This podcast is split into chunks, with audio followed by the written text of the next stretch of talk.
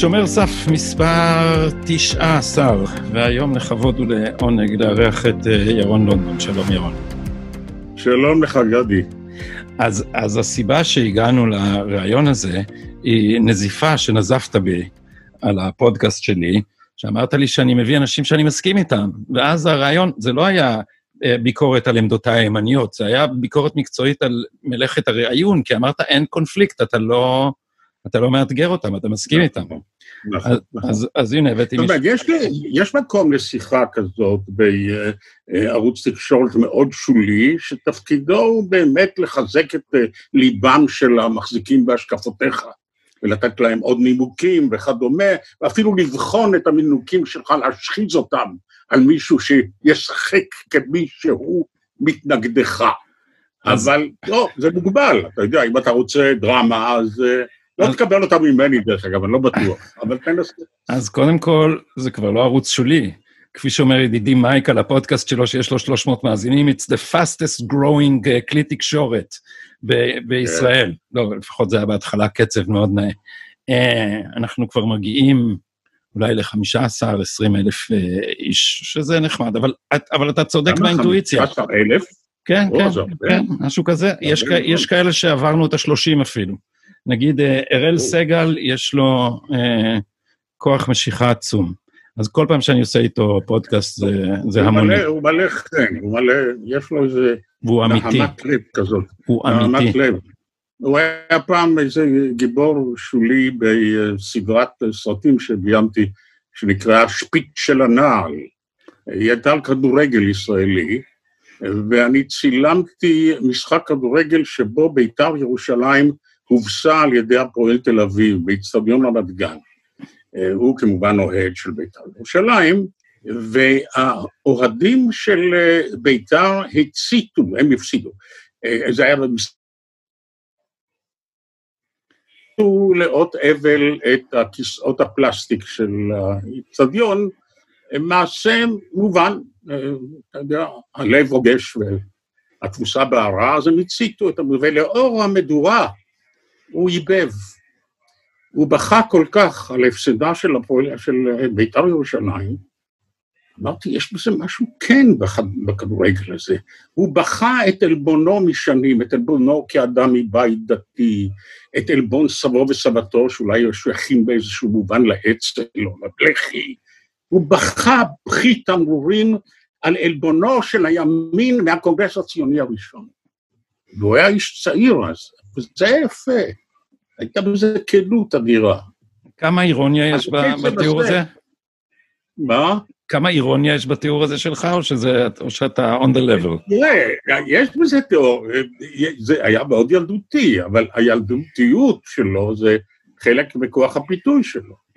יש לך הרגשה שהוא קורע את ליבו. אה, תשמע, זה נכון עד היום. אה, אם, אם יש משהו, אני שידרתי איתו איזו תקופה לפני שהפרידו בינינו, וזה היה תענוג יוצא דופן, כי הבן אדם, ליבו שם. זה, זה סגנון ראיון מאוד מאוד אחר משלך, אה, ששלך שלך מונה סקרנות. שלך מונה כן, סקרנות. רק דבר אחד יש לי אותו, הכל לזכותו, רק דבר אחד. הוא נגן גיטרה נורא. באמת? יש להם להקה. אני לא שמעתי אותם אף פעם. אה, לא, אל תשמע. אני לא רוצה, בסדר, בשביל להקת של אנשים, אה, עמיתינו, שמנגנים בשעות אחרי הצהריים קצת, אה, יש שם אחד טוב, זה הכתב הצבאי של הערוץ. אני, אני עמום מהדבר הזה ואני אבקש אה, תגובה. בדרך כלל, פשוט אין לי מפיק לתוכנית שלי פה, אבל אני מבקש תגובה, כי אני בטוח שאראל מנגן מהנשמה כמו שהוא מדבר מהנשמה. בטח. אז למדתי להכיר אותו, והוא שחקן נשמה במלוא מובן המילה. עכשיו, זה מאוד מנוגד לך, ירון, כי אה, אה, שאתה בלתי רגשן. אני זוכר את זה מ... אני זוכר שאבא שלי אמר לי את זה כשהייתי ילדון קטן וראינו עלי כותרת. אה, זה היה כל כך, זה ההתגלמות הבנאליה של השמות של ערוץ אחד, ועוד היה לזה פרחים בפתיחה, נכון? אתה זוכר דבר כזה? היה פתיח עם נכון, פרחים, נכון, ומאז אני שומע אותך אני שומע אותך מראיין, וגם יצא לי להתראיין אצלך. אז יש לי, יש לי תיאוריה, כי אני, אני מאוד מעריך את העבודה שלך, אבל אני חושב שזה, שיש לך גם סגנון מאוד uh, מיוחד. קודם כל, uh, זה, מוטי אמר עליך, מוטי קירשנבאום, עמיתך לשעבר, אמר עליך שזה ניטשיאני. אתה, בהרגשה שלי, תמיד אתה דוחף את האנשים, לא כי אתה רוצה להעליב אותם, אלא כי אתה רוצה שיצא מהם ויהיה דרמה. אה, אז אה, אה, אני זוכר בריאיון אחד שקראת לי סוטה, למשל. וזה היה דבר, כמו שאתה מדבר עכשיו על אראל, כן. אמרת, אמרת לי, אחרי זה היה אחד... אחרי, זה היה אחרי הספר אה, אה, נגד בדידות, והיה שם מאמר ארוך על מועדוני סקס בברלין. אמרת לי, בעצם אתה סוטה מין, נכון? זו הייתה שאלה כזאת, עוד לא שאלו אותי בסגנון הזה מעולם. אבל מצאתי את עצמי, מצאתי את עצמי מאשר את הדיאגנוז. לא, לא הכחשתי אז, אני לא מכחיש היום, לא מכחיש. לא. ואתה חושב שזה היה מעליב. לא, לא, לא חשבתי שזה היה לא מעליב, אני חשבתי שזה ממש בא מסקרנות כמו כל דבר אחר. כי אני אומר, סגנון הראיון הזה, אתה, יש לך הרבה סקרנות בזה, אבל כמעט, אתה כמעט עיוור לרגשות. זה כאילו, זה, זה הצד הזה, הוא לא מדבר אליך בכלל. כאילו, נגיד, בגלל זה הוויכוחים האמיתיים שלי איתך הם על הלאומיות. כי הדבר הזה, אתה זוכר, היה לנו פעם אחת טראמפ, והיה לנו פעם אחת הלאומיות ישראלית, וזה נוגע ל, ל, לדבר, אני, אני לא יודע כמה אנשים יודעים את זה, אבל לזה שאתה בסוף מצביע למשותפת. למה? נכון. מה זה? זו שאלה טובה, ולא קל לי לענות עליה. כי בהרבה מובנים הרשימה המשותפת כלל לא מוצאת חן בעיניי. זה הגיע מתוך היכרות עם החברה הערבית הפלסטינית. ואני למדתי לדעת שהציונות ניצחה ניצחון גדול בגלל ידה הרועצת. היא לקחה אה, קבוצה של כ-180 שארית הפליטה מהנכבה, ורובם פלאחים אה, די בורים.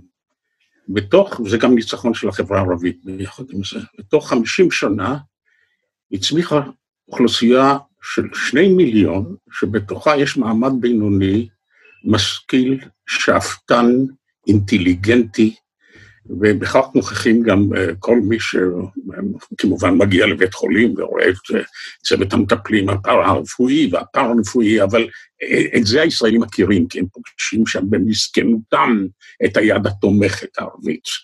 אבל הם קיימים בהנדסה, הם קיימים בהמצאות הטכנולוגיות, הם קיימים במוסדות האקדמיים, במקצועות כמו סוציולוגיה, כמו משפטים וכדומה. צמח, צמחה פה אוכלוסייה שטוב שהיא צמחה, כי היא תסייע לנו במאבק נגד צניחת הפיתוח הישראלי, למשל. ב-2065 האוכלוסייה פה תהיה 35 אחוז חרדים. אם הם יתמידו באי עבודה, אנחנו נלך ונצנח בפריון שלנו. זאת אומרת, זאת הפרולטריון הערבי והאינטליגנציה הערבית, היא תסייע לנו להרים את מדינת ישראל, או להחזיק, להחזיק מעמד איתה ביחד. היא תציל אותנו. עכשיו, הם פיתחו, ערביי ישראל פיתחו אה, אישיות היברידית מאוד מעניינת. צמד הזהויות שלהם, ישראלי-פלסטיני, היא לא לשפה ולחוץ. אצל רבים מאוד מהם. הם ישראלים נאמנים, אוהבי ארצם, וגאים ב- ב- בישראליות שלהם. כלפי חוץ, כמובן, לחצים וכו', צריך להגיד כל מיני סיסמאות וכו'. חוץ מזה, מדינות ערב השכנות סייעו לנו מאוד להדק את יחסינו עם אזרחי ישראל הערבים. ושגם העיוורים שביניהם רואים את מה שנעשה בסביבה, והם מגיעים למסקנה, טוב שאנחנו ישראלים. וסקרים גם מעידים על כך. והנה אנחנו באים ביהירותנו ותוקעים להם נעצים בעיניים כדי להעליב אותם, כדי לשמור על המרחק בינם לבינינו, כדי שהם יהיו תמיד הכועסים והמדוכאים. מה שהרג אותי זה חוק הלאום. שאין לו שום תכלית. אגב, מבחינה מעשית אין לו כמעט השלכות. מה שהיה הוא שיהיה. אבל זה מעשה שהחבורה הזאת ששולטת במדינה, החבורה הימנונית המטורפת הזאת, שיש לה רגשות לאומיים, צריכה להוכיח כל הזמן את הרגשות הלאומיים שלה. אם הם היו מחלחלים מבפנים, והם היו גם בלשון שאנחנו הצמחנו, בסופרים כמוך, בעלי כוח ביטוי במדינת ישראל, בא אליעזר בן יהודה שלנו, בתיאטרון הישראלי, במדע הישראלי, לא, בדגל, בדגל הזה, אתה מבין? והם יכניסו להם באבי אביהם כל הזמן, כדי להוציא אותם מדעתם, אתה מבין? כדי להרחיק אותם, כדי להעליב אותם. אני ראיתי את זה, אמרתי, אני ציוני מסוג אחר. אתה יודע, יכול להיות שאני פוסט-ציוני, אני אצביע בעד אלה שדופקים אותם. זה הכורח שלי, אפילו כיהודי. אתם העלבתם את אלה, את החברים שלי, ויש לי חברים, את החברים שלי, אני איתם. זה לא נימוק טוב כל כך. אתה יודע מה? זה לא נימוק הכי טוב. כי יש שם יסודות בתוך הרשימה המשותפת שאני לא רוצה להיות כל כך חבר שלהם וכולי, אבל יש יסודות שאני כן רוצה להיות חבר שלהם. איזה? ואני גם חבר שלהם באופן אישי בחלק מהם. מה? מי אלה? אני ידיד של אחמד טיבי, אני ידיד של איימן עודה. איימן עודה הוא אדם נפלא בעיניי, ואפשר לעשות איתו עסקים, ואפשר להקים איתו קואליציה, ואפשר שהוא יהיה שר. אז אני אגיד לך, כי אה, בעיניי כל הנימוקים האלה הם, הם בכלל לא נימוקים בשביל להצביע למשותפת. אני תכף אגיע לזה שאני חולק עליך לגמרי אה, לגבי איימן עודה, שהוא אה, אה, לאומן ערבי ולא דמוקרט, והוא פשוט אה, קומוניסט ויותר ערמומי ואנטי, אה, ומבקש לחסל את המפעל הציוני מבפנים. אבל אני, אני מסכים איתך שהדאגה לערביי ישראל צריכה, היא דבר רציני, ו, ו, וצריך לבצע אותו. אני מזכיר לך שממשלת נתניהו עשתה את זה יותר מכל ממשלה אחרת. ולכן, למשל, אני מאוד תומך בהחלטה 922 של ממשלת ישראל, שהייתה שינוי מהותי בהעברת התקציבים. אתה יודע, אני כתבתי על זה כמה פעמים בארץ, כל פעם נתקלתי בחומה של בוז ואי אמונה. עמנואל סיוון אמר, מה פתאום, זה לא קורה, הוא קרא לי מוכה, אה, מוכה... לא ירח זה היה, אלא הלום, הלום קיץ, הוא קרא לי, על הדבר הזה. ואחר כך עוזי ברעם ועוד כולם הכחישו, אבל הדבר הזה עובד. זה הדבר שצריך לעשות. לעומת זאת, הרשימה המשותפת... מה? אני אגיד לך מה... כן, אני אגיד לך, אני יודע שההחלטה הזאת היא החלטה טובה. והיא הושגה, אגב, בעצה אחת עם מנהיגי הציבור הערבי, שדחפו לזה. נכון. אבל אינני יודע מה בוצע. נדמה לי שאת זה אנחנו שנינו צריכים לבדוק לפני שנפסוק. נדמה לי שיש קשיים גדולים מאוד בביצוע, אינני יודע בגלל מה. יש כל מיני קשיים בביצוע, אבל יש גם מעקב ביצוע, ובאמת אפשר uh, לבדוק. Uh, בזמן שהיה לי את הוויכוחים האלה, הייתי יותר uh, חם על הנתונים, ו- וידעתי מה התקדם ואיך. חלק מהבעיות, וחלק מהבעיות שבגלל הפוליטיקלי קורקט לא אומרים אותם, זה הממשלה מנסה לעשות את הרפורמות האלה על ידי זה שהיא תשאיר את הכסף אצלה, ותעשה את זה דרך משרדי הממשלה ולא הרשויות המקומיות הערביות, שאולי תופתע ותדהם לשמוע שעובדות על חמולות והן מאוד מאוד מושחתות והכסף שם אה, מגיע לה, אה, הרבה פעמים למקומות הלא נכונים. אבל, אבל זאת לא הנקודה. הנקודה היא, זה, זה סוג הדבר שהייתי רוצה לעשות, אבל הרשימה המשותפת זה רשימה סכסכנית, זה רשימה של פוליטיקה של הזהות, זה רשימה שיוצאת נגד אופייה של המדינה כמדינה יהודית, מפני שהיא לא מכירה בזכותנו להגדרה עצמית. את הדבר הזה אנחנו מוכרחים לבלום. הרשימה הזאת היא, ו, ולכן אני, כשאני מקשיב לך אומר, הרבה מהערבים הם פטריוטים וזה, אני, זה, זה נכון, כי אני גם אה, עוקב, לאחרונה פחות, אבל עקבתי הרבה זמן אחרי הסקרים של סמי סמוכה מאוניברסיטת חיפה. והסקרים האלה מראים שמספרים עצומים של ערביי ישראל אומרים שהם פטריוטים. אבל אחרי זה הם מצביעים להיבה יזבק. וזה, וזה טעות לחשוב שההבדל הוא כל כך גדול. איימן עודה פשוט יותר ערמומי. עכשיו, האנשים האלה, אני, יש לי מעט מאוד כבוד לאחמד טיבי, מפני, שה, מפני שהאדם הזה חי על התגרות ברגש הלאומי, ש... אה, זה, זה הדבר, אתה יודע, אני, אני היסטוריון של ארה"ב, אז אני בעיניי, התופעות המתועבות האלה הן מסדרת uh, תופעות כמו Black Lives Matter. ה-Black Lives Matter זה אנשים שמסיתים את המיעוט נגד הרוב, אה, ועל ידי זה רוכשים לעצמם מעמד, שזה הדבר הכי גרוע בדמוקרטיה לעשות, זה להסית את המיעוט נגד הרוב, כי הרוב obviously יותר חזק. אז הרשימה המשותפת, כל מי שבעד דו-קיום בעיניי, צריך להתרחק מהאנשים האלה כמו מאש. ושנית, אני לא מוכן לדבר הזה ש... שיש, אתה יודע, הביטוי הנפלא הזה, זה של אה, כותב נאומים של ג'ורג' W. בוש, אני שוכח את שמו, הוא קרא לזה The Soft Bigotry of, of Low Expectations, הגזענות של הציפיות הנמוכות. אז אתה יודע, הם פטריוטים, אבל בסוף הם מצביעים להיבה יזבק. בסוף הם מצביעים למה שיסכסך את המיעוט אה, נגד הרוב.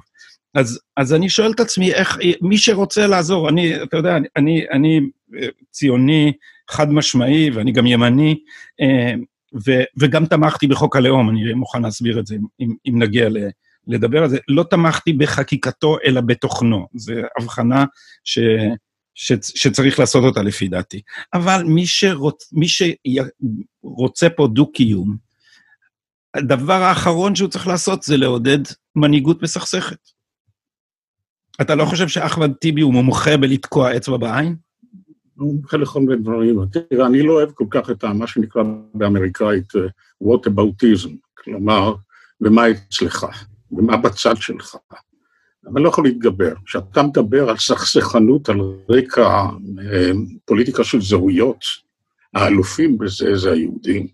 תשמע, הנה, חבר כנסת מאחת הסיעות החרדיות אה, פונה למנהל כאן אה, בטענה מדוע הוא מסלק רק את הספרדיים הדתיים מתוך תוכניות מורשת או משהו כזה.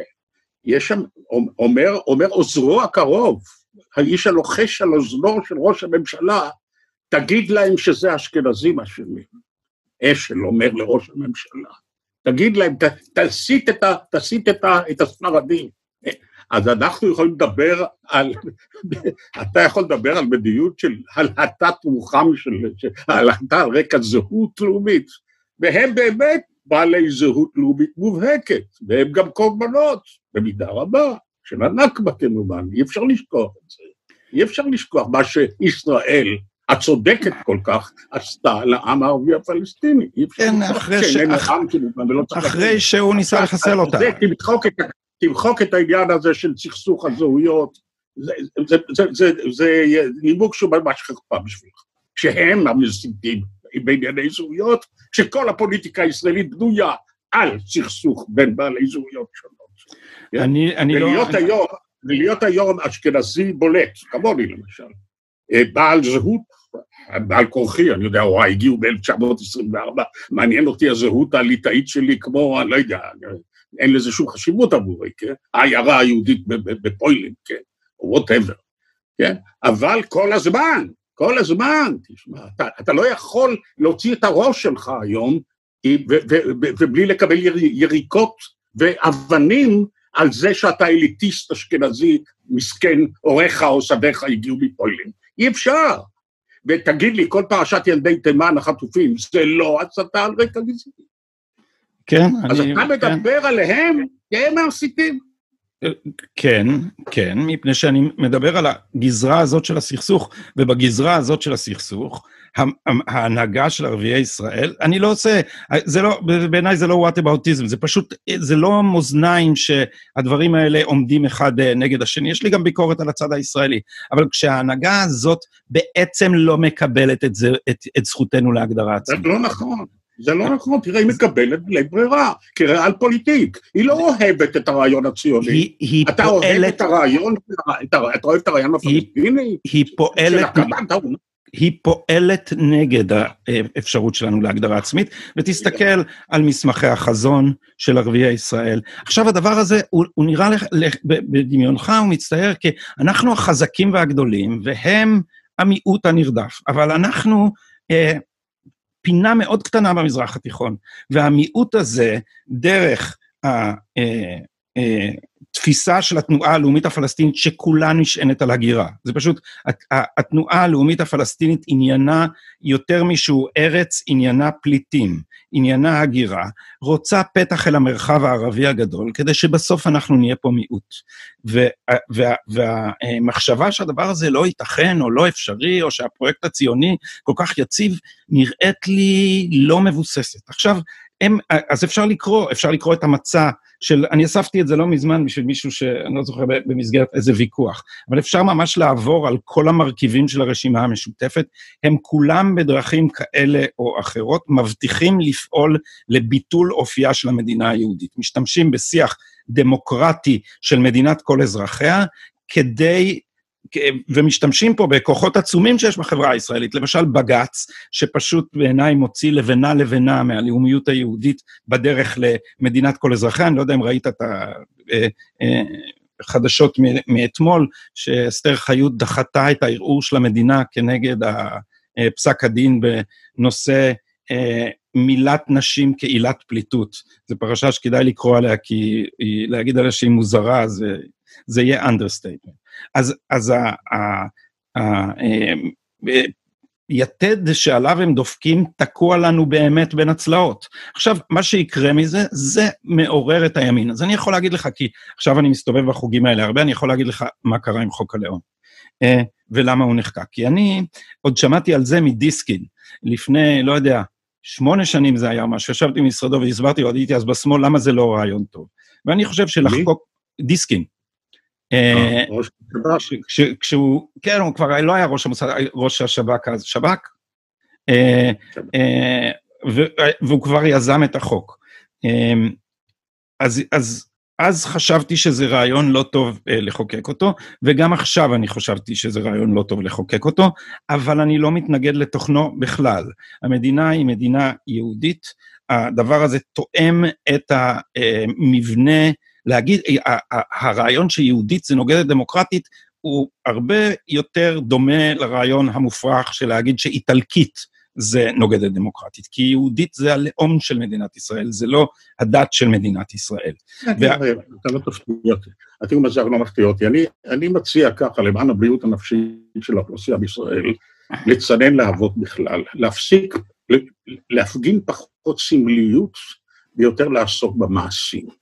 זה מועיל לבריאות הנפש שלנו. אתה מבין שכל איצטדיון הופך לזירה לאומית, וכל הפגנה בשולי הדרך הופכת להזדמנות להפגין את קשרנו עם תורת ישראל ועם נצח ישראל וכולי, ועם אלוהינו כמובן, תרגיעו, חבר'ה.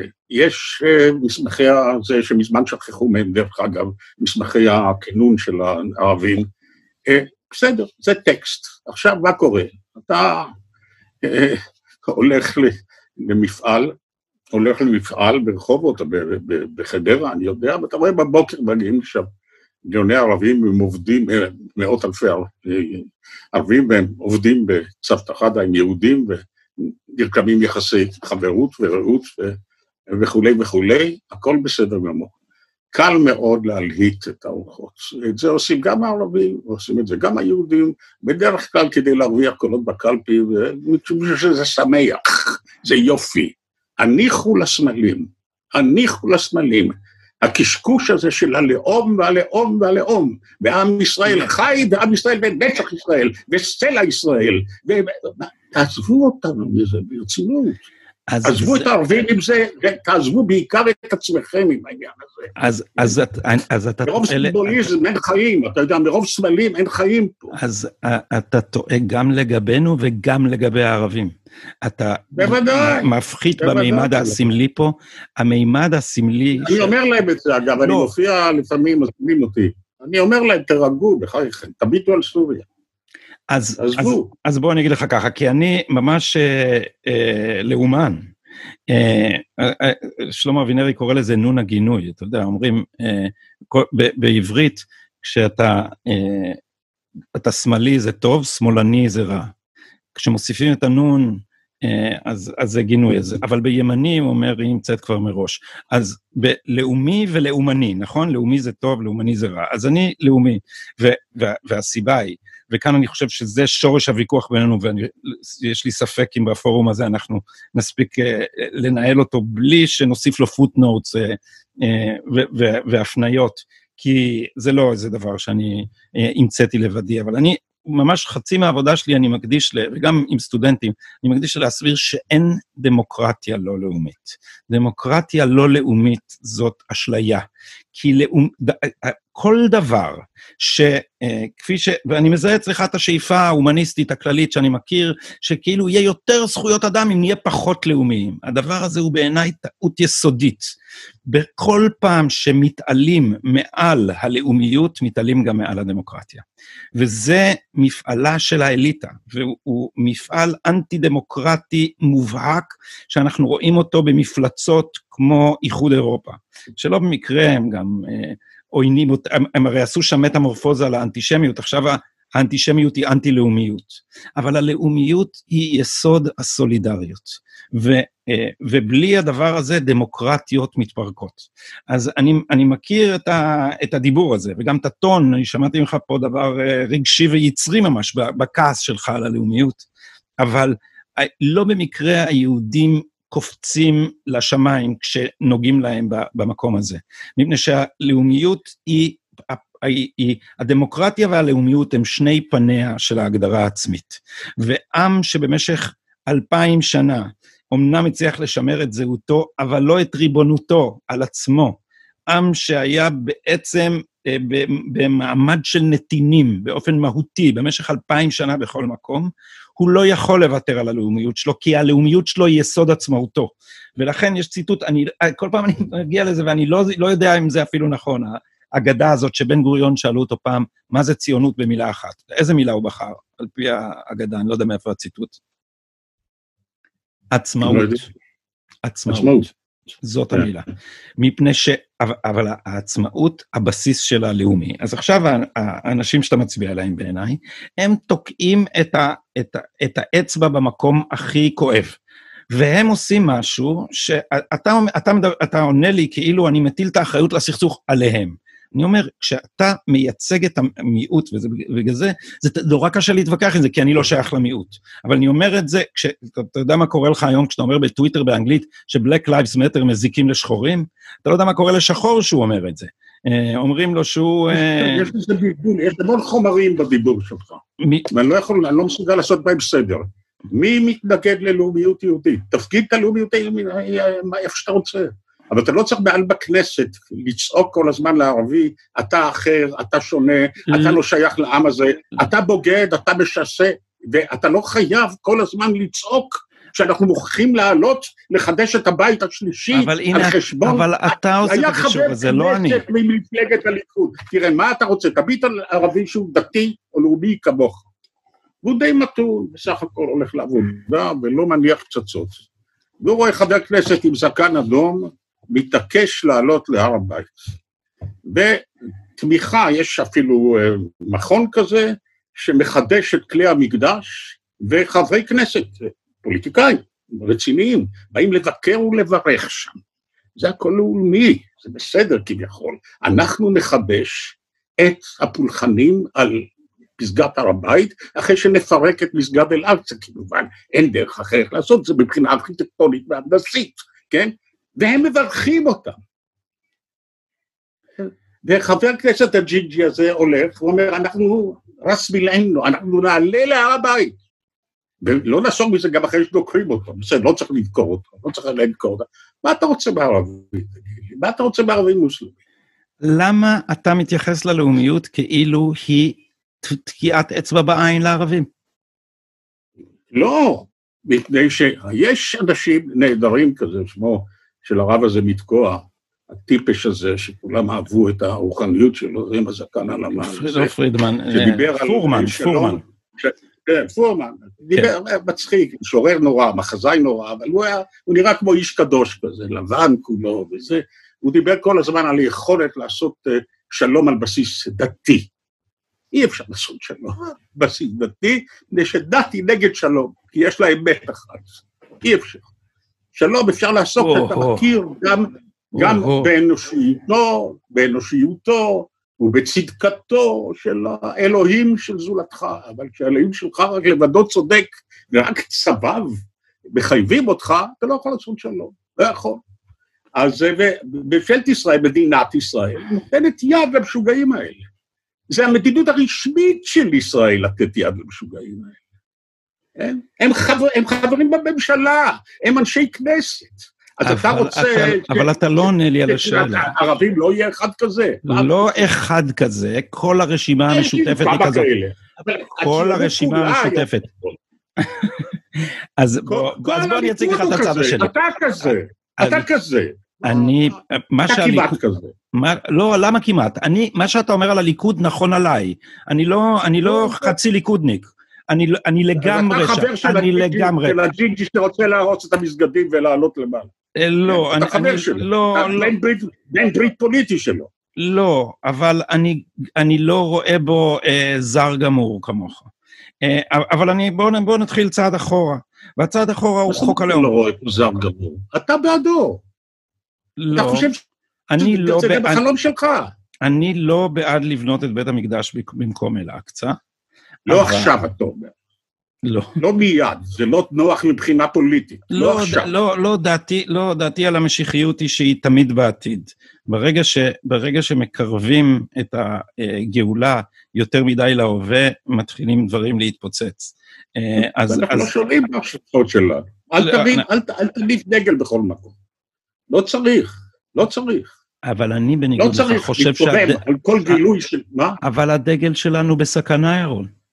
זה, זה נדמה לכם בשמאל שלו, אבל האפשרות לייצב את המפעל הזה היא ממש לא בטוחה בעיניי. עכשיו אנחנו חיים גם במצב שבו האליטה, וזה, תשמע, הטיעונים שלך, אתה, אני מאמין לך שאתה עדיין ציוני באופן אה, כללי, אבל מפה אה, יש, יש מדרג שהוא מתחיל להיות פוסט-ציוני לפני שהוא מצהיר על זה בכלל. כי ב- כרגע, צייצתי כמה ציוצים אה, זועמים כאלה היום, אה, לפי אה, תחושתנו בימין, ואני תכף אני אגיד לך מילה על איך נולד חוק הלאום בגלל זה, ואיפה היו לי ויכוחים עם, עם, עם האופן שבו הוא נולד, יש פה, אה, הריבונות אה, זלגה אל בית המשפט. יש לנו ממשלת על, יש דבר שאין בשום מדינה אחרת בעולם, וזה שהרשות הלא נבחרת, הרשות השופטת, לקחה לעצמה את הסמכות ההכרעה האחרונה בכל עניין, עכשיו גם ביחס לחוק הלאום. הם קיבלו אותו לדיון ב...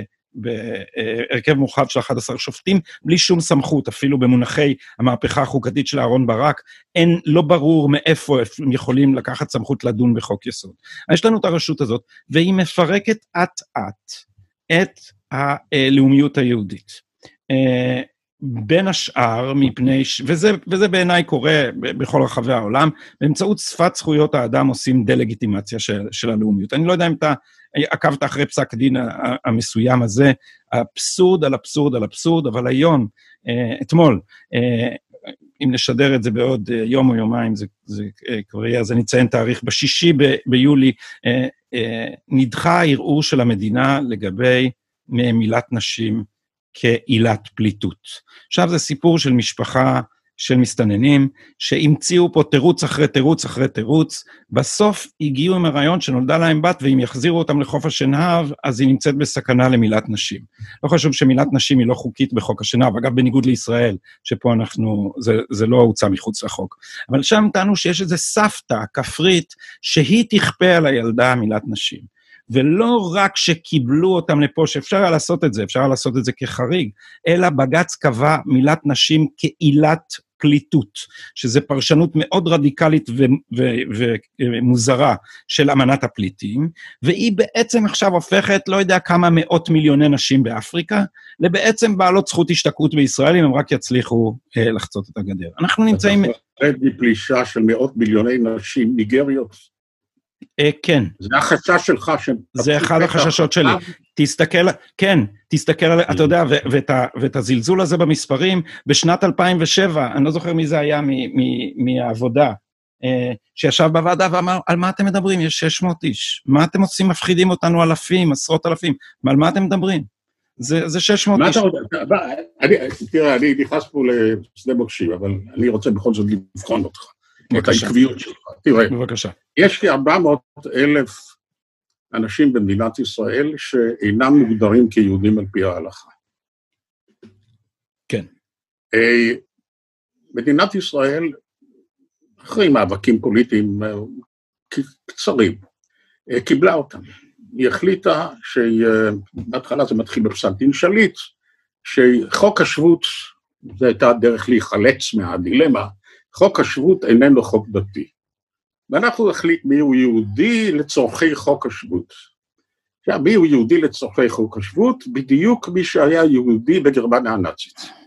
זאת אומרת, מי שאחד ועוד, הוא או יהודי, נשוי, הוא לזה יש, יש או ארבעה... או- או נשוי, או מישלינג, או יהודי. בדיוק. עכשיו, למה אתה מגדיר, אינך מגדיר את היהודים למחצה האלה, או אלה שאינם יהודים על פי ההלכה, ולפעמים מעולם סבב לא עבר על יד יהודייה במקרה, אולי איזה יהודייה ירקה עליו פעם, והוא הפך ליהודי לפי חוק השבות. הסכמת להעלות 400 אלף כאלה. נו, אז יעלו גם 40 אלף או 50 אלף שחורים באפריקה. מה יקרה? אלה ייקלטו פה ואלה ייקלטו פה. ואומר לך משהו, האפריקנים ייקלטו יותר מהר. מדוע? מפני שהחברה היהודית בישראל זאת החברה ההגמונית. והיא חברה נגד ערבית. הם ישתבחו לרוב, לא ישתבחו למיעוט הערבי. הם יהיו יהודים טובים וכשרים, בדיוק כמו יהודי אתיופיה, שעד רגע מסוים בהיסטוריה היהודית הם היו זרים ליהדות. כמו הקראים, שעד רגע מסוים ביהדות האורתודוקסית הם היו זרים ליהדות. הצרכים של היהודים במדינת ישראל להתגונן נגד הרוב הערבי העוטף אותנו, הביאו לידי ככה שאנחנו שינינו לנוחותנו את ההגדרה היהודי. באו, עכשיו אנחנו מביאים ממיזורם, מהודו, אנשים שבמקרה הופיע שם איזה רב אחד או כומר אחד, ולפני מאה שנה גייר אותם, או כאילו גייר אותם, והם יהודים כשרים לכל דבר, ובדרך כלל נדמה לי עוברים לגור בהתנחלויות. זאת אומרת, אולטרה יהודים, יהודים משובחים במיוחד, קיבלנו אותם. אז נקבל גם 40 אלף אנשים שצפיפות הפיגמנטים על עורם גבוהה משל... הופה, היי, הופה, היי, בוא, אל תרמוז פה על גזענות. אה, כי יש לי הסבר לא, לא. לכך, לא, וזה נובע, אני, אז תן לי לענות, תן לי לענות. אז אני אסביר לך בדיוק מה אתה לא רואה, כי אתה באמת לא רואה, ואתה לא רואה את זה באופן עקבי, ואני רואה את זה בכל מה שאתה עושה, שאתה לא רואה את זה. כי המושגים שלך על דת הם אה, לגלגניים ומקושקשים, והמושגים שלך על לאומיות הם לא פחות לגלגניים ולא פחות מקושקשים, ולכן אתה באמת לא מבין פה משהו, ומה שאתה לא מבין זה שארבע, אני ההגדרה שלי אה, למי הוא יהודי היא הגדרה לאומית, אני ציוני. ההגדרה הדתית היא לא המפתח שלי, ולכן טוב לי שחוק השבות הורחב, מפני שאני שואף להגדרה תרבותית לאומית של אה, היהודים. יש לי כל מיני בעיות עם זה. אני למשל התחתנתי, אה, בפעם הראשונה, התחתנתי אצל, אה, אצל רב אורתודוקסי. אמנם ממימד, אז זה ככה, אולי בגלל זה התגרשתי, כי זה לא, מימד זה לא רציני בתור אורתודוקסיה, אה, אבל רציתי שהילדים שלי יוכלו להתחתן עם הילדים של אביעזר רביצקי. אם יהיה צורך. בינתיים זה לא קרה, עוד אין לי ילדים, אבל הדבר הזה היה לי בראש. אבל זה, זה המקום שבו זה עלה לי כי באופן עקרוני ההגדרה שלי היא לאומית. עכשיו, לאומית זה דבר מאוד מאוד חזק, וזה דבר לא מגוחך, וזה לא דבר שמתבטא רק בדגל. ה- הלאומיות היא, היא אה, זהות בסיסית באדם כמעט בכל מקום, כמעט בכל מקום. העולם הערבי סובל מהיעדרה, בגלל זה הוא בניוון והקריסה וה, אה, שבה הוא נמצא, מפני שאין שם לאומיות יציבה, וזה כל פעם קורס לשבטיות. אבל ה-400 אלף האלה שעלו, הרוב המכריע בתוכם רואה את עצמו כמצטרף לעם היהודי, ולכן תופס את עצמו במונחים לאומיים. ולכן הוא ישרת למשל בצבא, ואולי הוא ילך להתנחלות. פעם חשבתי שזה רע, אני עכשיו לא חושב שזה רע. אה, אולי, אולי... הרוב המכריע, הרוב המכריע, אגב, לא רק בין אלה שאינם יהודים על פי ההלכה, אלא גם באלה שהם יהודים על פי ההלכה. רובם המכריע של מי שעלו משנות ה-80 ואילך, רצה להגיע לארה"ב וקנדה, כדי לקיים שם, להקים שם את הלאום היהודי שלו, כדי להיעלם בתוך המיאזמה האמריקאית או קנדית, לאבד כל זהות. זאת הייתה בהתחלה, אבל זה מה שקרה להם. עכשיו, לא אלה עלו כדי לקיים את הלאום, ולא אלה עלו. אתה טועה. תחושת הלאום הצטרפה אליהם, נבנתה עליהם, כאשר הם גרו פה, תחת השמש הזאת, יופי. שהם הלכו לעבודה עם אנשים אחרים, כאשר הלכו... הם הוכרחו לדבר עברית, כאשר ילדיהם למדו בבית ספר עממי יהודי ובגן יהודי, פתאום הם הפכו ליהודים לאומיים. כל אחד יכול לעבור את התהליך הזה, גם ערבי ישראלי בסופו של דבר.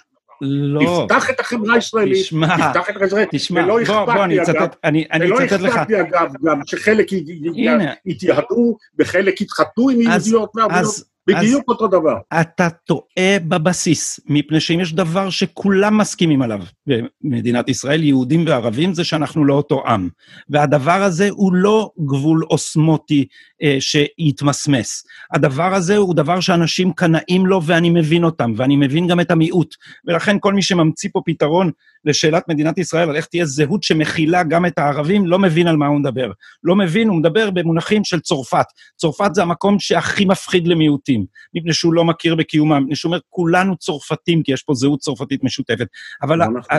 אבל... זה פשוט לא נכון היסטורית. זה פשוט לא נכון. זה נכון חוקתית. אתה, זה לא... הקונסיסטואר ז'ואיב. אתה יכול, אתה, כל שרי ממשלת צרפת, היו שמונה שרים לא. וראשי ממשלה בצרפת רק בעשרות השנים האחרונות, מה זה קשור?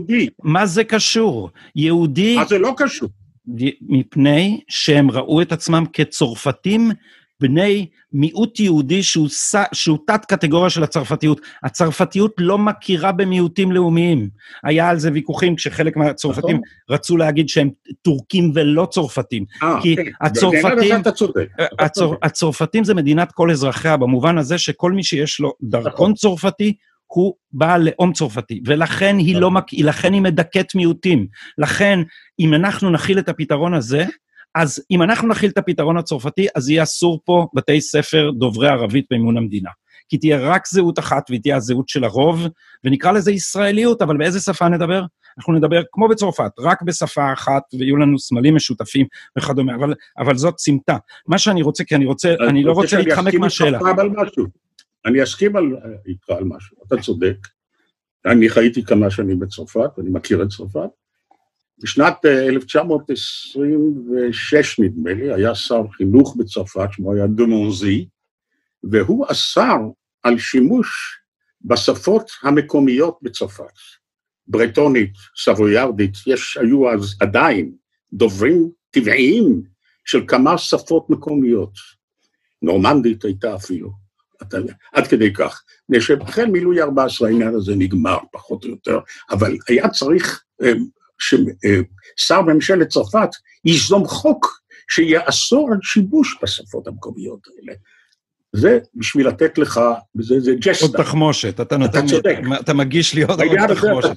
צדקת, צדקת, מה אפשר לעשות? אבל, אני, אני לא רוצה להתחמק מהשאלה של המסתננים מאפריקה. Uh, בעוד שהקבוצה שאתה מדבר עליה, ואני רואה שהאי הסכמה בינינו פחות ממה שחשבתי, היא uh, uh, מגמתה או שאיפתה, זאת חברת מהגרים, שאיפתה היא להפוך לחלק מהלאומיות היהודית. זה לא נכון על האפריקאים. זה לא נכון. זה לא נכון בשום מקום. אנחנו רואים מה קורה באירופה. אז מה שאנחנו בונים פה, אנחנו בונים פה עיר עבדים, שיהיה בה עוני, מצוקה, אני, לא, אני לא יודע אם אתה מודע לכמות ההרס בדרום תל אביב, לכמות הפשיעה שהמשטרה שלנו, הפוליטיקלי קורקטית, ניסתה להסתיר אותה, אבל היא פי שלוש ופי ארבע מאשר בשאר ישראל. אני מציע לך לראות קצת את הסרטונים של שפי פז על התרבות האלימה הזאת. תראי, אני גר, אני גר במרחק 400 מטר עכשיו בשפי פז, אני מלווה אותה בקריירה שלו כבר עשר שנים, אז אני מכיר אז, אז, אז אני שמח. אז מדובר באוכלוסייה שלא תשתלב. עכשיו, אם אתה, אתה מלגלג על המספרים, אז אה, אה, אני, אתה בטח מכיר את הספר של דגלס מרי, המוות המוזר של אירופה. לא. אז אני, או, פעם ראשונה שאני נתקל בספר שלא קראת, כי מה שאני יכול להגיד לשבחך, אני לא מכיר אף לא. אדם, לא פרופסור ולא אחר שקרא כל כך הרבה כמוך. אז אני ממליץ לך מאוד לקרוא את הספר של דאגלס מרי, הוא איש מאוד מעניין, הוא הומו קונסרבטיבי, שהוא קונסרבטיבי בגלל מה שהוא ראה שקורה על ידי זה שהרב תרבותיות סולחת לרדיפת נשים. אני חושב שקראתי ביקורת על ספרו. השם הזה יצאון. אז, אז אה, אם, אם, אה, אני ממליץ לקרוא את הספר, אם לא, אני יכול גם לשגר לך אה, וידאו של דיון שאני והוא ודן שפטן קיימנו באוניברסיטת תל אביב, והיה מאוד מאוד מהנה. לדבר עם דן שפטן כרגיל זה מצחיק ומהנה ומלמד. אין אדם שבטוח בעצמו יותר מדן. כן, הוא, אתה יודע... הפנים החמורים שלו והשפם הסומר, הוא אפילו, ואתה לא האמנת בדבר, עד שפגשת אותו, אתה תצא משם ותהיה כמו יהודי גאה. בלי כן. חוכמות, אנחנו נכפה את רצוננו על הערבים, שטויות, הרצון של... כן, מה אתם מבלבלים את המוח, כן. אז... הוא נעזר, אני יודע. אה, קודם כל, הוא, מאוד מבין בתרבות הערבית, אז, זאת אומרת, הביקורת לא שלו... לא מבין מאוד שהוא לא יודע ערבית, יש פה בעיה. לא, זה לא נכון שהוא לא יודע ערבית. אה, אני אפילו באופן... הוא אמר לי...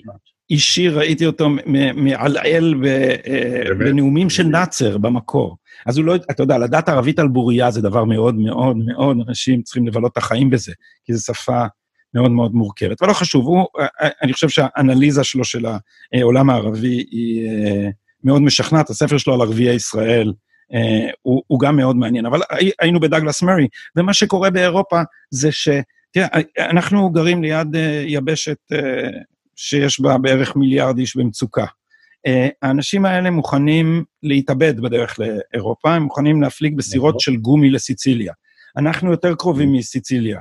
המרחק בין אלג'יריה לסיציליה הוא יותר אני לא בעד, אני לא בעד קליטת, אה, אני לא בעד קליטת, אבל האיום שלך, שפסיקה של בית המשפט העליון תפתח את ישראל להגירה של מאות אלפים ומיליון. בוודאי, בוודאי. ולמה? תעצור אותו. אז בוא, כי בוא אני איך תעצור אותה? איך תעצור אותה? יגיעו סירות גומי, איך אתה תעצור אותם? אנחנו עוד לא הצלחנו לעצור אף אחד. אותה בעיה, אותה בעיה תהיה עם בית המשפט ובלי בית המשפט. לא, לא נכון. מה אם בית המשפט האיטלקי מצליח לעצור אותה?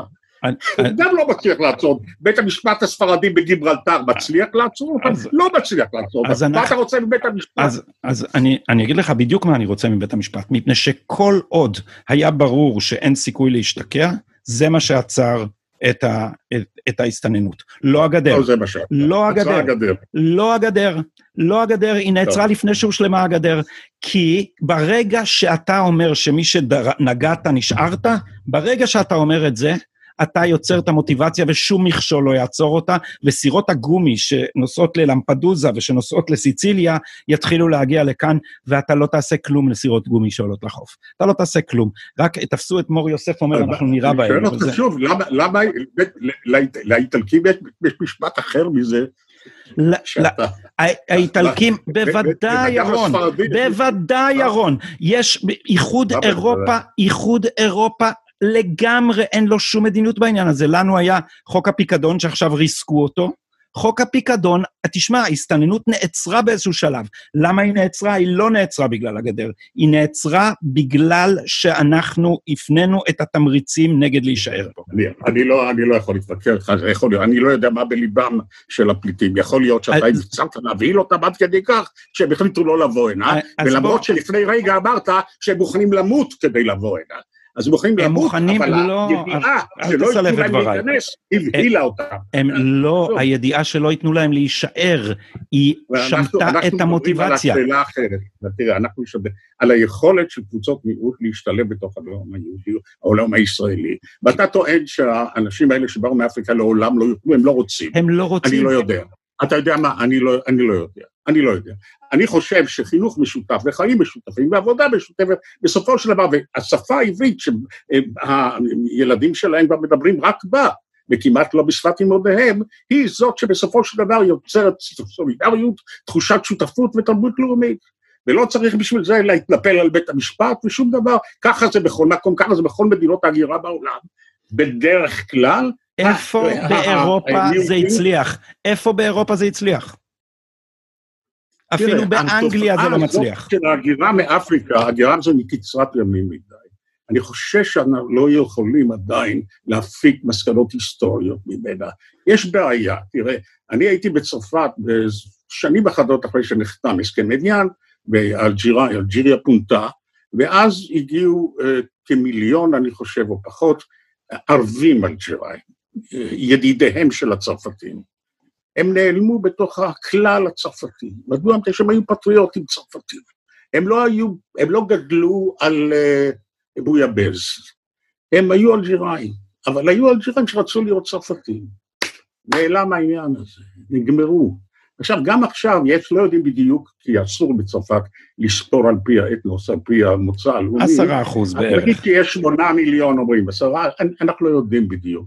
הרוב המכריע הצטרפק לגמרי, יש שרים בממשל צרפת, יש אה, אה, אגב גם יהודים, יש יהודים אלג'יראים, צפון אפריקאים, טוניסאים, מרוקאים, הרי הם לא היו שונים תרבותית במיוחד מהערבים, והם התקבלו בתוך צרפת, אגב איבדו, רבים מהם איבדו את הזהות היהודית שלהם כמעט לחלוטין, הם נטבעו בתוך החברה הצרפתית הכללית.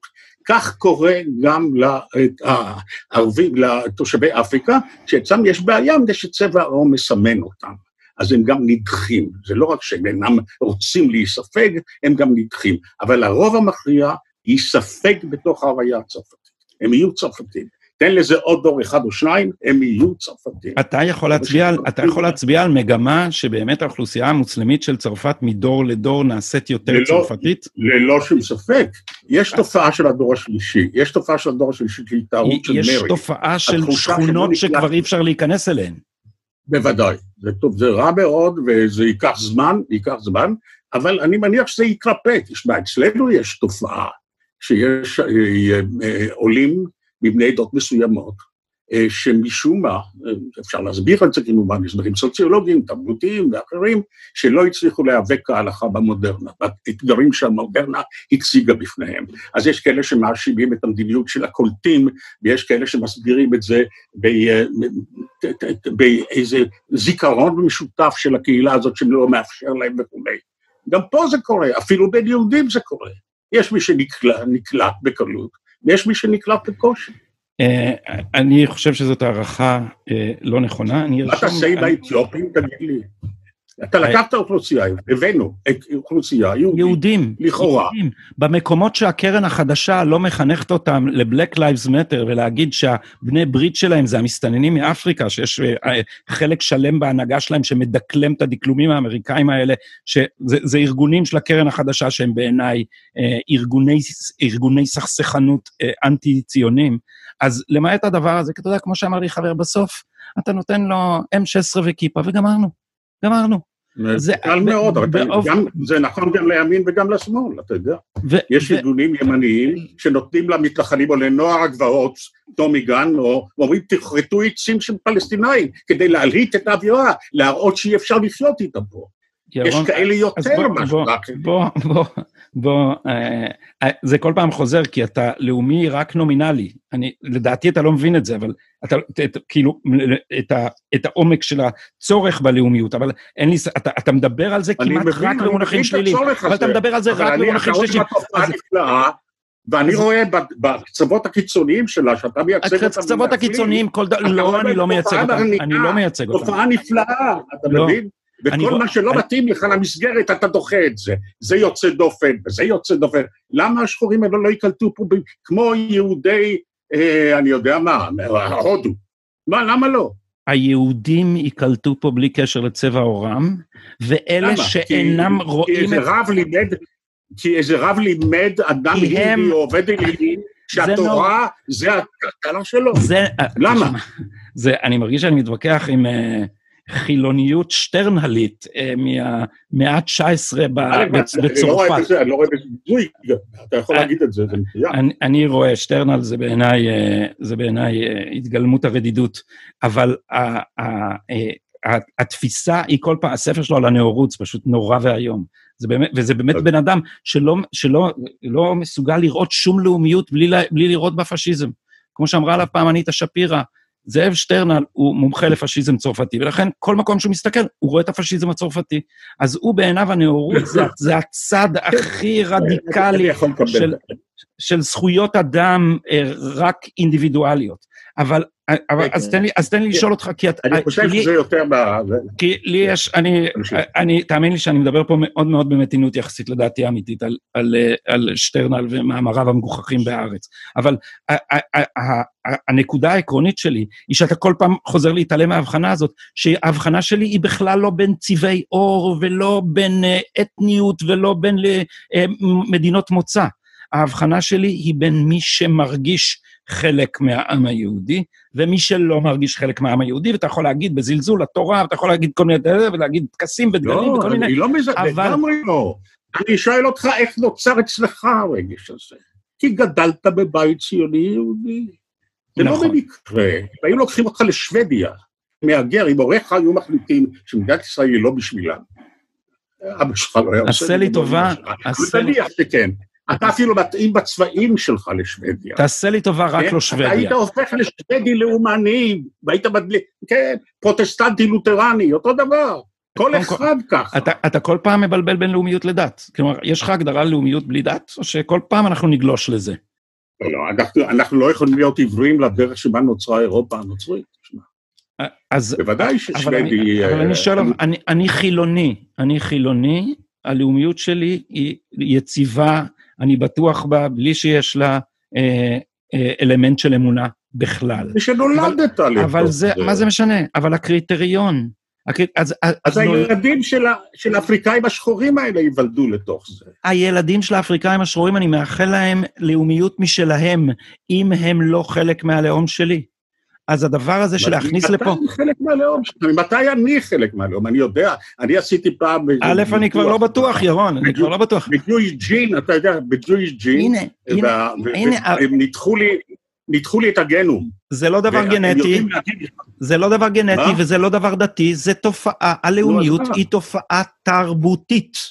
אבל היא תופעה... תרבותית, תרבות, אדם יכול לאמץ תרבות, וילד קטן מאמץ את התרבות שלתוכה תוקעים אותו. ואם באמת תקעו אותך מדינת ישראל, היית רוסי, או היית פולני, או רומני, או קנדי. יש להניח שקנדי, כי להורים שלך היה שכל. אז... אתה מסגיר פה שאתה הכרת אותם. אה, אה, אז, אז אני אענה לך מאוד בפשטות, מפני שהדבר הזה הוא תלוי ברצון והתכוונות. ולכן, נכון. השאלה, ולכן, אם יש לך קהילה שלמה שלא רואה את עצמה, לא משנה באיזה, איך אני רואה אותה, היא לא רואה את עצמה כחלק מאיתנו, זה לא יעזור לך, והיא לא תהפוך לזה. עכשיו, אבל אני רוצה, אני רוצה לצאת מהסמטה הזאת, כי אני פה, אני, אני גם צובר, אה, אני, אני אשלח לך לינק לסרטון עם, אה, אה, עם יונתן יעקובוביץ', קודם כל לגבי העובדות על ההגירה, כי, כי אני חושב שאתה, בסדר, גם שאתה ניזון. בסדר גמור, שאני לא התכוננתי, שיתנו לי גם שיעורי בית, אבל בסדר. זה לקראת שיחתנו הבאה. ידעתי שאני מסתכל שאני בא אליך. לא, לא, רק, לא רק אני אעשה פה שיעורי בית.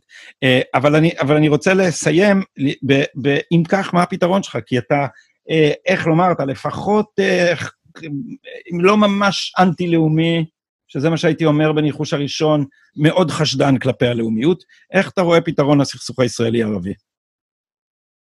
אם אתה רואה פתרון. אתה יודע, דן שפטן יגיד מה פתרון, מה קשור פתרון. תראה, אה, אולי זה לא טוב, רציתי לדבר על הקורונה קצת דווקא, אבל אם תואיל אחר כך לדבר על הקורונה.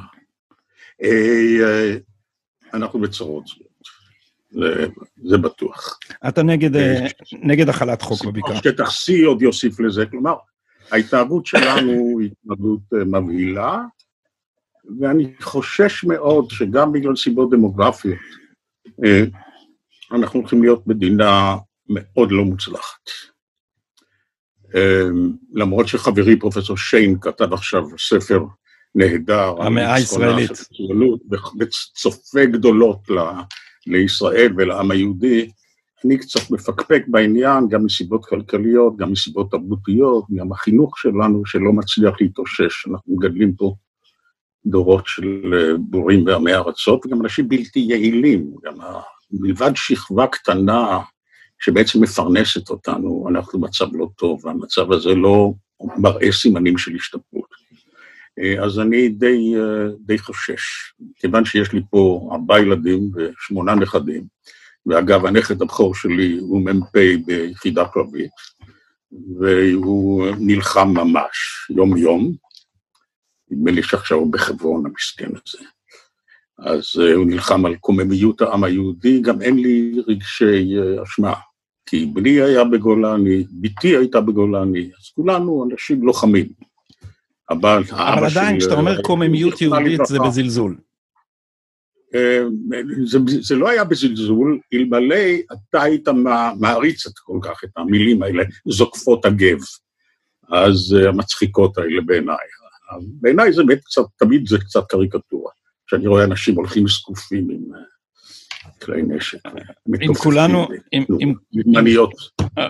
אולי היו כמוני, לא היה מי שיגן על המולדת. לא, לא, לא, לא, לא, אם הם היו כמוך, לא, אם הם היו כמוך, לא הייתה קמה מדינת ישראל. אמ, אתה יודע מה, אני קורא עכשיו את הגותם של, הגותו של ברנר למשל. בלי ברנר לא הייתה, אם ברנר לא הייתה קמה מדינה, אתה אומר. עם ספקן, הססן כזה, שמראה את הפרובלמטיקה של יחסינו עם הערבים. בלי בר... אם ברנר לא הייתה קמה מדינה, יכול להיות שלא הייתה קמה מדינה. גם, גם ז'בוטינסקי ראה את הבעייתיות של יחסינו עם הערבים, וגם בן גוריון. נכון, נכון. אבל כן, אני בהחלט... בגדול, אבל איפה אמרנו? בגדול לא ברנר ולא הרב קוק ולא בגין היו מקימים מדינה. בן גוריון, היה צריך את בן גוריון. אתה יודע מה? יש בינינו הסכמה מוחלטת בעניין הזה. בן גוריון, אתה צודק. זה לא חוכמה כל כך להגיד את זה, כי הוא באמת הקים אותה. אתה לא יודע מה היו האלטרנטיבות, אתה יודע, אולי גם ז'בוטינסקי היה מביא מיליון חיילים יהודים מפולין וכובשים את הפרט. יכול להיות, אני לא יודע, הוא הרי חשב על זה, חלם על זה. אז איפה אנחנו עמדנו? מה אמרנו? שאלת אותי מה, אני לא יודע. אה, אה, אבל שמע, אני רוצה לדבר על משהו, אתה מרשה לי? אני לא יזם. בבקשה, נושא שאני לא מבין בו כלום, קורונה, בבקשה. תשמע, יש הקורונה. אני אומר, אני עכשיו עוסק, חושב הרבה על העניין הזה. הפנדמיה הזאת מעמידה אה, שאלות בפני החברה האנושית כולה, ואני מתעניין בנו, אה, גם במובן הערכי וגם במובן הכלכלי. אה, יכול להיות שאנחנו לא נשוב להיות כשהיינו. והשאלה מה יהיה, תראה, יש פה משבר, בסוף השבוע היו 800 אלף מובטלים.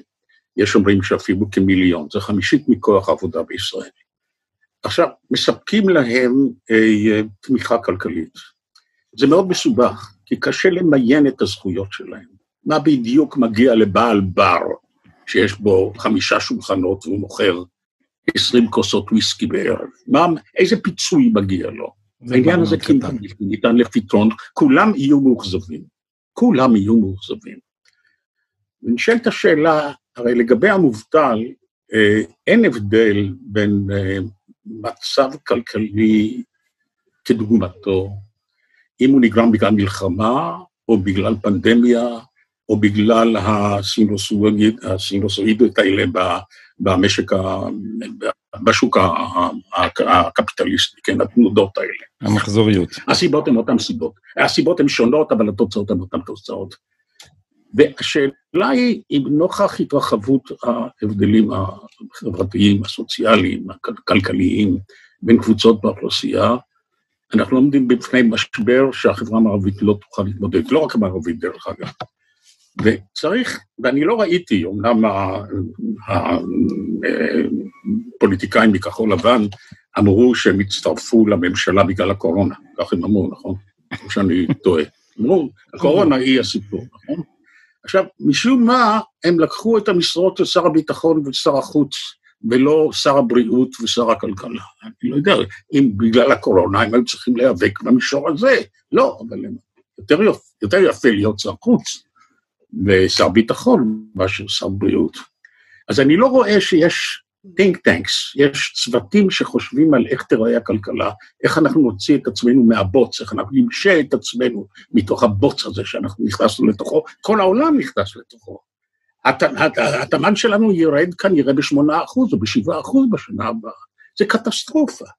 מה יהיה עם כל העניים האלה? איך תקלוט בחזרה את מיליון האנשים שחלקם אנשים צעירים? מה תעשה? אין שום תוכנית רצינית.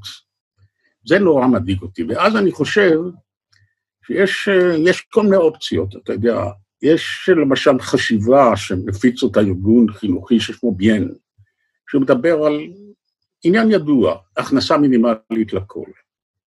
אתה לא שואל אדם למה הוא לא עובד, או אם הוא רוצה לעבוד, אתה לא מעמיד אותו בשום מבחנים. כל אדם במדינה, כולל תינוק, כולל זקן, מקבל סכום קבוע שביכולתו להחזיק אותו מחוץ לתחום הרעב. להחזיק אותו בכבוד, זה עולה הון תועפות, כמובן, זה עולה הון תועפות. ועושים כבר ניסויים כאלה בכמה מקומות. אבל הרעיון נובע לאו דווקא ממשברים, הוא נובע מהמשבר הגדול של האוטומטיזציה, שאנחנו לא זקוקים לכוח אדם כל כך גדול, וכוח אדם שעומד ברשותנו איננו מתאים לצרכים של המשק המודרני, של הכלכלה המודרנית, ותמיד שולי האבטלה ילכו ויתרחבו, וזה קורה כמובן בהרבה מאוד מדינות. לא צריך כל כך הרבה אנשים. ואז, ניתן, ואז זה נותן אפשרויות ליצור שלא למטרת רווח. לעשות כל מיני דברים, להתמסר לקהילה.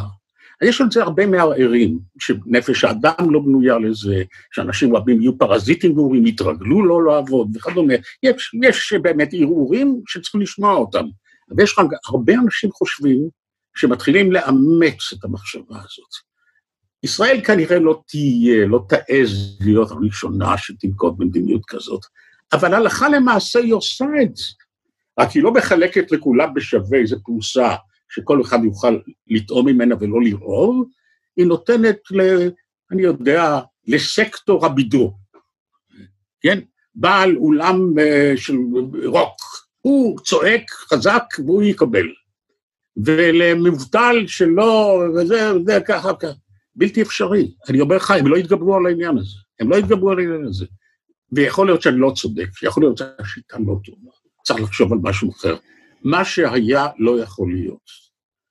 זה מה שבאמת העסיק אותי, אבל זה לא שאלת אותי, והייתי צריך לדחוף לך בכוח לגרון שם. אז, אז כמה זה יפתיע אותך שהתשובה היא שהפתרון הוא הלאומיות? אתה מופתע? אבל זה לא מצחיק, כי אני כתבתי, כתבתי מאמר, כתבתי מאמר שפורסם קודם בצרפת, ורק אחר כך ב, ב, גם בישראל, ב, בתשובה למאמר של יובל נוח הררי, שהוא, אתה יודע, הוא האפיפיור של הגלובליסטים ניו אייג'. אה, והוא, והוא טען שהתרופה, כאילו, הדבר שצריך לעשות במאבק עם הקורונה זה אחווה אה, עולמית וסולידריות. ואני טענתי שרק מדינות לאום יוכלו לעמוד במשבר הזה בהצלחה, ומכיוון שלא ניכנס לדבר הזה עוד פעם, אז אתה יכול, אתה יכול ל, ל, ל, לפרוס את השיעורי בית שלך, על נגיד עוד עד חצי שנה, שנעשה את זה שוב, אבל אני אשלח לך גם את המאמר הזה שלי, כי אני רואה שאתה לא קורא הארץ, ואני לא מבין איך זה קורה, עם בן אדם בדעותיך. אני ממש צמא למאמרים. אז מצוין. אתה אומר שיראו אותם בחצי מיליון אנשים? אה, כולל... לפחות, לפחות חצי מיליון אנשים ילמדו בעברית בשביל לראות את, ה, את יצירת הזאת. אז אני, אני מזמן. לא היו לי כל כך הרבה, לא היו לי כל כך הרבה צופים. ירון, סוף סוף אנשים יתחילו לזהות אותך ברחוב, תאר לך. נכון. יופי. אז קודם כל, קודם כל למדתי, נכון? קודם כל למדתי, ב, ב, לא כל כך, קודם כל, אני זוכר אותך עוד מעלי כותרת, אותו דבר, אבל קודם כל למדתי בכבוד במשימה שהטלת עליי, שפעם אחת תהיה מחלוקת, נכון? אז אי אפשר להגיד שלא הייתה. אז בסדר גמור. נתחיל מזה. ביקרת יותר מדי, אבל בסדר גמור. ולאט לאט אני אתקדם, לאט לאט. אה, אז, אז תודה לך על השיחה הזאת, היה תענוג, ונשוב ונתכנס עוד אה, כמה חודשים עוד פעם, אם תרצה. טוב, ידי. טוב, להתראות. ביי.